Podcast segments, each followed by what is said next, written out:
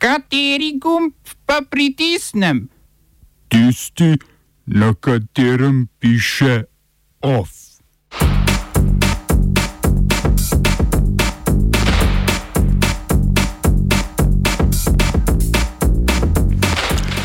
Mjanmarska vojska onemogočila dostop do interneta v državi.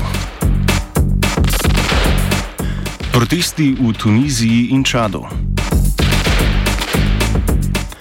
Napoved razširitve kubanskega privatnega sektorja. Vrnitev otrok v šole in vrtce.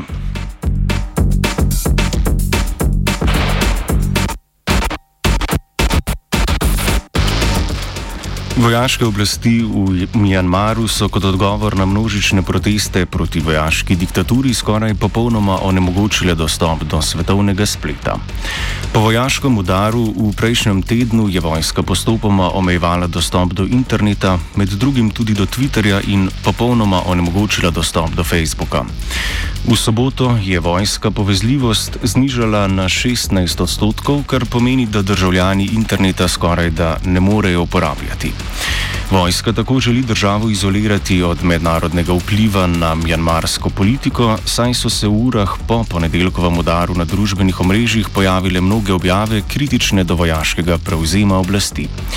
Nadaljujejo se množični protesti, policija je v nedeljo zoper protestnike uporabila vodni top.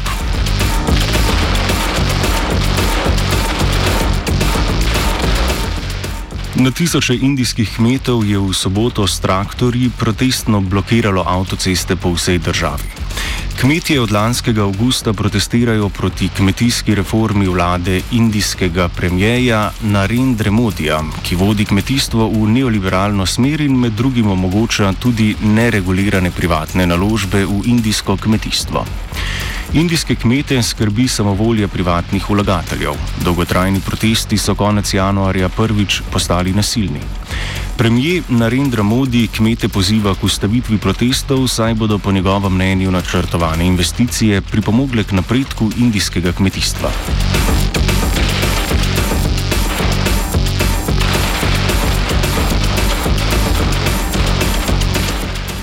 V Tuniziji so potekali protesti proti policijskemu nasilju ob osmi obletnici umora političnega aktivista in opozicijskega vodje Čokrija Belajda, ki se je zauzemal za sekularizacijo Tunizije.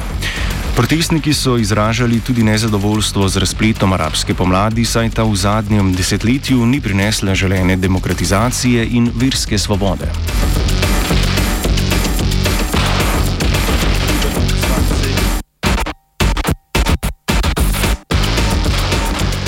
V Čadu je na stotine protestnikov na ulicah glavnega mesta in Džamene glasno nasprotovalo v novični nominaciji trenutnega predsednika Idrisa Dibija za kandidata na prihajajočih predsedniških volitvah. Čadska policija je nekaj protestnikov aretirala in zoper njih uporabila souzivac. Predsednik Debi je na oblasti od leta 1990, po ustavnih spremembah iz leta 2018 pa lahko s ponovnimi izvolitvami ostane predsednik do leta 2033.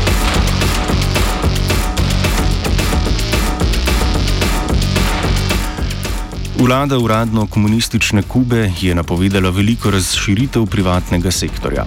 Kuba je namreč sredi najhujše recesije v postsovjetskem obdobju zaradi pandemije koronavirusa, ameriških sankcij, ki jih je uvedel nekdani predsednik Donald Trump in največje devalvacije kubanskega pesa po letu 1959. V kubanskem zasebnem sektorju je trenutno 127 poklicev, po novem načrtu kubanske vlade pa jih bo dovoljenje za udejstovanje v privatnem sektorju dobilo več kot 2000. Kubanska vlada je tudi pozvala ameriškega predsednika Joea Bidna, da naj prekliče ameriške sankcije proti Kubi.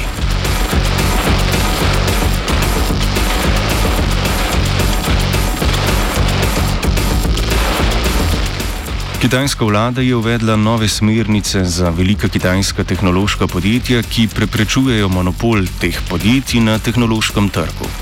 Nove smernice bodo kitajskim tehnološkim velikanom, kot so Alibaba, Ant Group in Tencent, preprečevale lastno določanje cen storitev in vplivanje na trg s podatkovnimi algoritmi.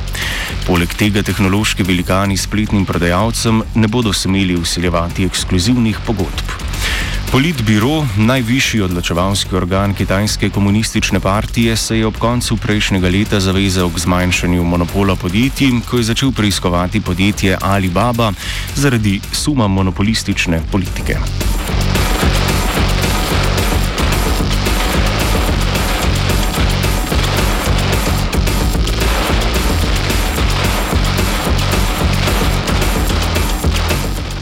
Komunikacijska aplikacija Telegram je omogočila dostop uporabnikom, ki so na svojih profilih objavljali telefonske številke in naslove protestnikov v podporo Alekseju Navalnemu v Rusiji.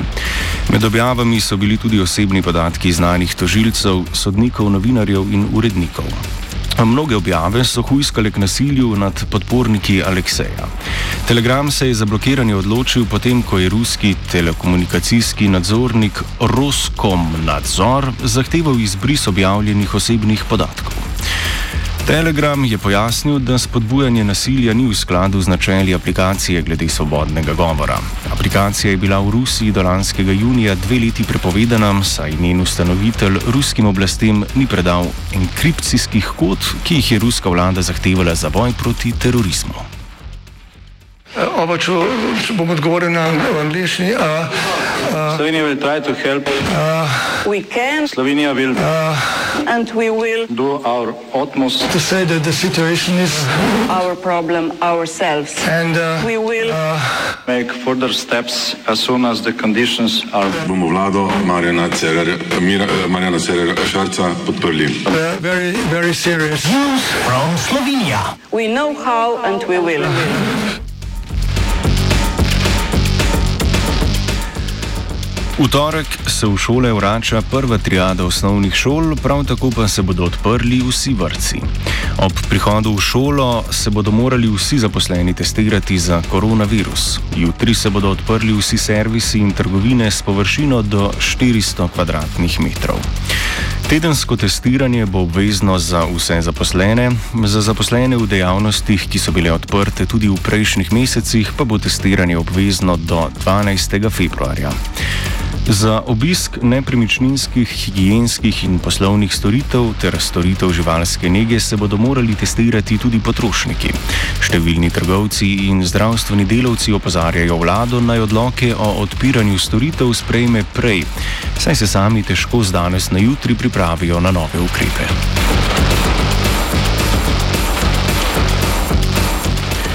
Of je spisal vajenec Vito.